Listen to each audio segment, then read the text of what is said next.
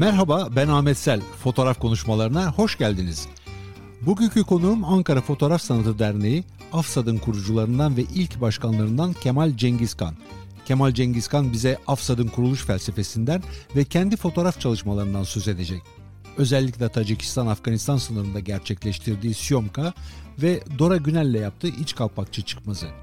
Sayın Cengizkan'ın anlattıklarının yakın fotoğraf tarihimizde fotoğraf sanatçılarının ilk örgütlenme çabaları açısından önemli bir tanıklık olduğunu düşünüyorum.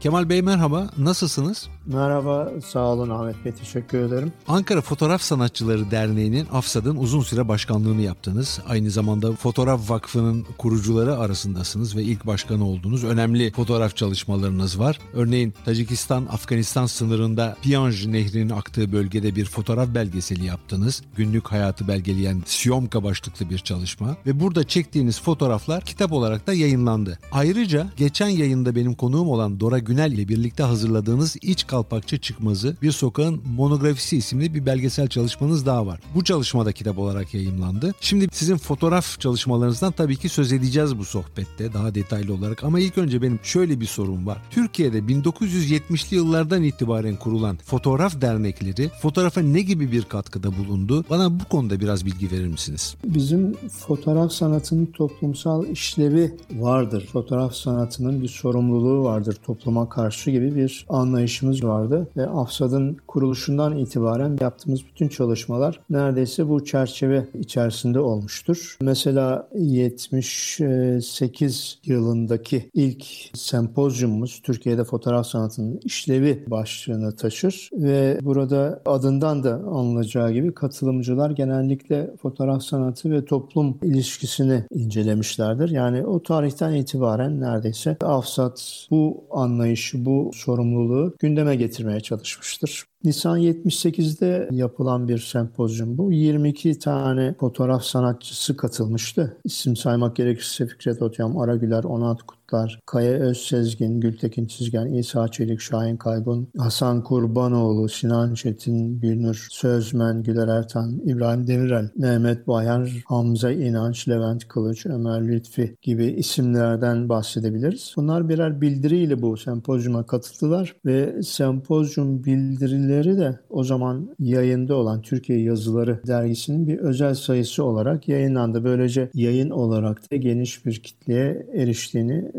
söyleyebilirim.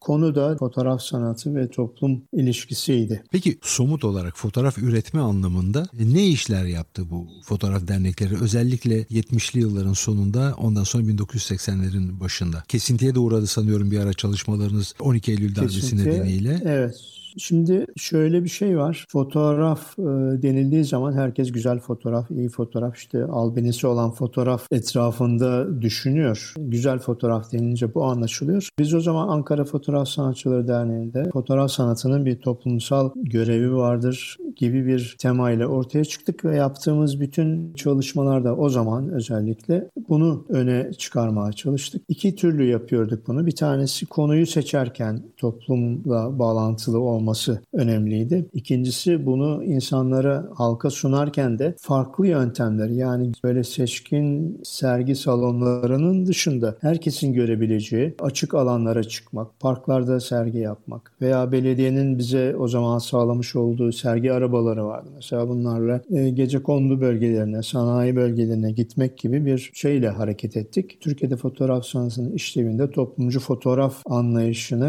e, bu şekilde topluma da iletmeye çalıştık. Bunlar arasında hani sergi ismi belirtmek gerekirse bizim Selam Yaratana diye bir sergimiz var. 1978'de ee, açılan bir sergiydi. Bu işte işçi sınıfı ve çalışanların fotoğraflarından oluşan bir sergiydi. Bu mesela bütün semtlerde neredeyse Ankara'da dolaştı. İstanbul'da gece kondu mahallelerinde sergilenebildi ve davet alan her yere giden her yerde sergilenen düzenlemeydi. 78 sonunda 80'de daha doğrusu sıkı yönetimin gelmesiyle birlikte bundan Afsat da etkilendi tabii ve bizim çalışmalarımız durdu. Ee, ancak şöyle de ilginç bir şey var. İlk açılan kuruluşlardan birisi de biziz. Eylül'de kapatılmıştık. Kasım ayında başvurduk açılması için ve derneğimiz açıldı. Ondan sonra sıkı yönetim koşulları altında da fotoğrafı yürütebilmek, fotoğrafla bir şeyler yapabilmek amacıyla derneği çalışır tuttuk. Bugün Türkiye'de çeşitli mecralarda var olan fotoğraflara baktığınız zaman, fotoğraf çalışmalarına baktığınız zaman iyi ki biz Afsad'ı kurduk diyor musunuz? Diyoruz tabii. Şimdi o zaman herhalde dernek sayısı epey azdı. Ee, bir 10 civarında falan olması gerekir. Yani 77-78'de İFSAK'tan sonra biz vardık. Belki birkaç dernek daha vardı. Bugün sayıları çok fazla ben tam olarak bilemiyorum. Şimdi bir, bir görev üstlenen ve bir amaç doğrultusunda çalışmalar yapan derneklerin fazla olduğunu söyleyemeyeceğim. Genellikle herkese hitap eden güzel fotoğraf, çekici fotoğraf anlayışıyla gidiyor işler şu anda. Ama bunun dışında bir takım çalışmalar yapılıyor. Onlar bu işin toplumsal yanını ve sosyal görevlerini ortaya çıkarıyorlar. Bugün de var böyle bir anlayış. Özcan Yurdalan ve arkadaşlarının yürüttüğü çalışmalar var. Çeşitli belgeleme çalışmaları var. Bunlardan bahsedebiliriz. Peki deneyimli bir belgesel fotoğrafçısı olduğunuz için soruyu soruyorum. Belgesel fotoğrafın bugün Türkiye'de bir karşılığı var mı? Ne yazık ki ben göremiyorum. Belki bir örgütlenme ve projelerin ortaya konulması gibi bir şey olabilir, sunulması gibi, öne çıkarılması gibi bir çalışma var. Ben bu çalışmaları maalesef göremiyorum. Daha ziyade tamam belli sosyal konular etrafında küçük çalışmalar olabilir ama böyle bir yaygınlaştığı, ürün ortaya çıkardığı bir mecra göremiyorum. Sizce bunun nedeni nedir? İçinde bulunduğumuz koşullar olabilir. Örgütlenme sorunları var tabii. Derneklerin ayakta kalma sorunları var bugün. Üye katılımları da epey azaldı. Özellikle bugün bunlar büyük problemdir diye e, görüyorum ben. Daha sonra da belki bir kuramsal ya da bir tür ideolojik bakış açısına ihtiyaç var. Yani fotoğrafla biz ne yapmalıyız? Fotoğrafa bir görev vermeli miyiz? Görevi olmalı mı? Ta 78'lerde belki tartışılan konuların bugün tekrar bir daha gözden geçmesinde, gündeme gelmesinde yarar var diye düşünüyorum. Bir de diğer bir konu fotoğrafların bir şekilde izleyicilere ulaşması gerekir. Fotoğraf kitapları da bunda önemli bir rol oynuyor. Fotoğraf kitabı yayınlamak Türkiye'de bugün çok zor. Maliyetli ve alıcısı evet, az evet. olduğu için yayıncılar pek yaklaşmıyorlar bu işlere. Sergiler genellikle açılış gününde insanları bir araya getiriyor. Pandemi koşullarını saymıyorum ama sonra kimse gelmiyor. Siz bu durumu nasıl değerlendiriyorsunuz? Yani genel bir ilgisizlik mi var toplumda fotoğrafla ilişkili olarak? Toplumdan ziyade belki fotoğrafçıların bir sorun sorunu yani topluma ulaşmanın farklı yollarını belki düşünmek lazım. Sergi yöntemlerini gözden geçirmek lazım. Alternatif yöntemler düşünmek lazım. Tabii bir de şu var ki internet bugün fotoğrafın sokağa çıkmasını biraz da önlüyor gibi sanki. Çünkü internetten her şeye erişebiliyorsunuz. Dolayısıyla dışarıda bir sergiye gitmek yerine internetten onu seyretmek, izlemek mümkün olabiliyor. Bunun da bir etkisi var. Bu sadece Türkiye'de değil sanıyorum dünyanın her yerinde böyle. İnternet bir yandan fotoğrafın ulaşımını arttırırken öte yandan böyle sergiler aracılığıyla insanların buluşmasını da engellenmiş oluyor. Bugün durum sanıyorum böyle. Bu internet bu işe damgasını vurdu gibi gözüküyor.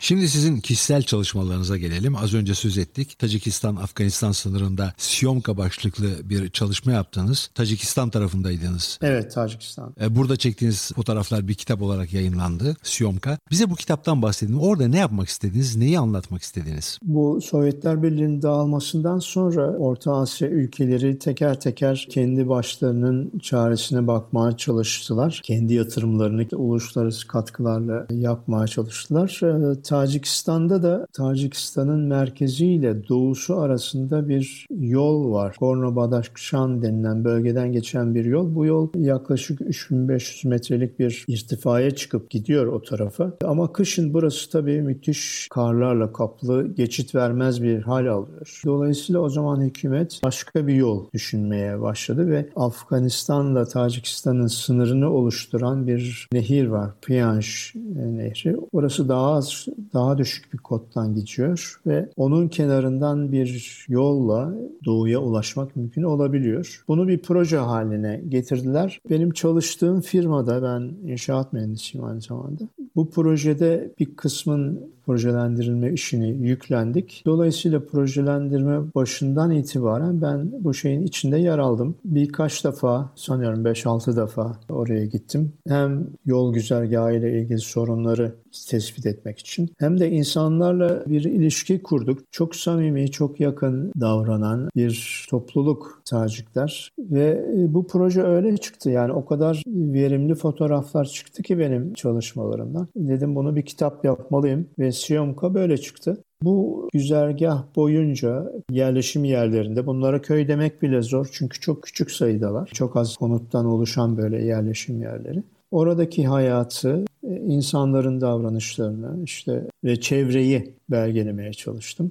O çevreye hizmet veren bir ilkokul, ilkokul da değil bir temel eğitim okulu vardı. Orada fotoğraf konusunda bir iki söyleşi yapma fırsatım oldu. İlgiyle karşılandı. Çocuklar çok şey yaptı. Ve buradan çıkan fotoğrafları da sizin dediğiniz gibi Siyonka diye bir kitapta topladım. Dinleyicilerimize şu bilgiyi de verelim. Siyomka ne demek tam olarak? Ben biliyorum ne demek olduğunu çünkü Tacikistan'da ve Rusya'da uzun dönemler yaşadım. Siyomka evet. aslında fotoğraf çekmekten geliyor. Evet, fotoğraf çekmekten geliyor. İngilizce hani shooting'in sanıyorum karşı karşılığıdır. Ben böyle fotoğraf çekerken orada çocuklar hep Siyomka, Siyomka diye bağırıp ilgi gösteriyorlardı. Oradan ben nedir diye araştırdığımda bunu buldum ve kitaba da bu ismi verdim. Yani fotoğraf çekmek anlamında olan bir e, kelime. Onun dışında bu yaptığınız iş bence çok değerli bir e, çalışma. Bölgenin insanını çok e, güzel anlatan bir çalışma, bir anlatı. Teşekkür hakikaten. ederim. Teşekkür. Başka bir çalışmanız da var sizin. Dora Günel'le az önce sözünü ettik. Dora Günel'le birlikte hazırladığınız İç Kalpakçı Sokakçı Çıkmazı Bir Sokağın Monografisi isimli bir belgesel çalışma. Bunu sosyologlarla beraber yaptınız. Bu çalışma da kitap olarak yayınlandı ve Türkiye'de yakın dönem fotoğrafta hakikaten önemli bir yer tutuyor bu çalışmanız. İç Kalpakçı Çıkmazı'nda anlatmak istediğiniz hikaye neydi? Ben İstanbul'a geldiğim zaman işte Dora ile eski arkadaşlığımız var. Dora Samatya'da çalışmakta olduğunu, oranın çok ilgi çekici bir yer olduğunu filan söylemişti. Ben de katıldım ona. Birlikte orada çalışmalar yaparken bu çıkmazı keşfettik. Çıkmaz Boğaz demir yolunun hemen kenarında olan bir yol ve insanlar evleriyle birlikte sokakta da yaşıyorlar. Çünkü uygun sokak yani böyle bir yaşama için. Örgülerini orada örüyorlar, bir şey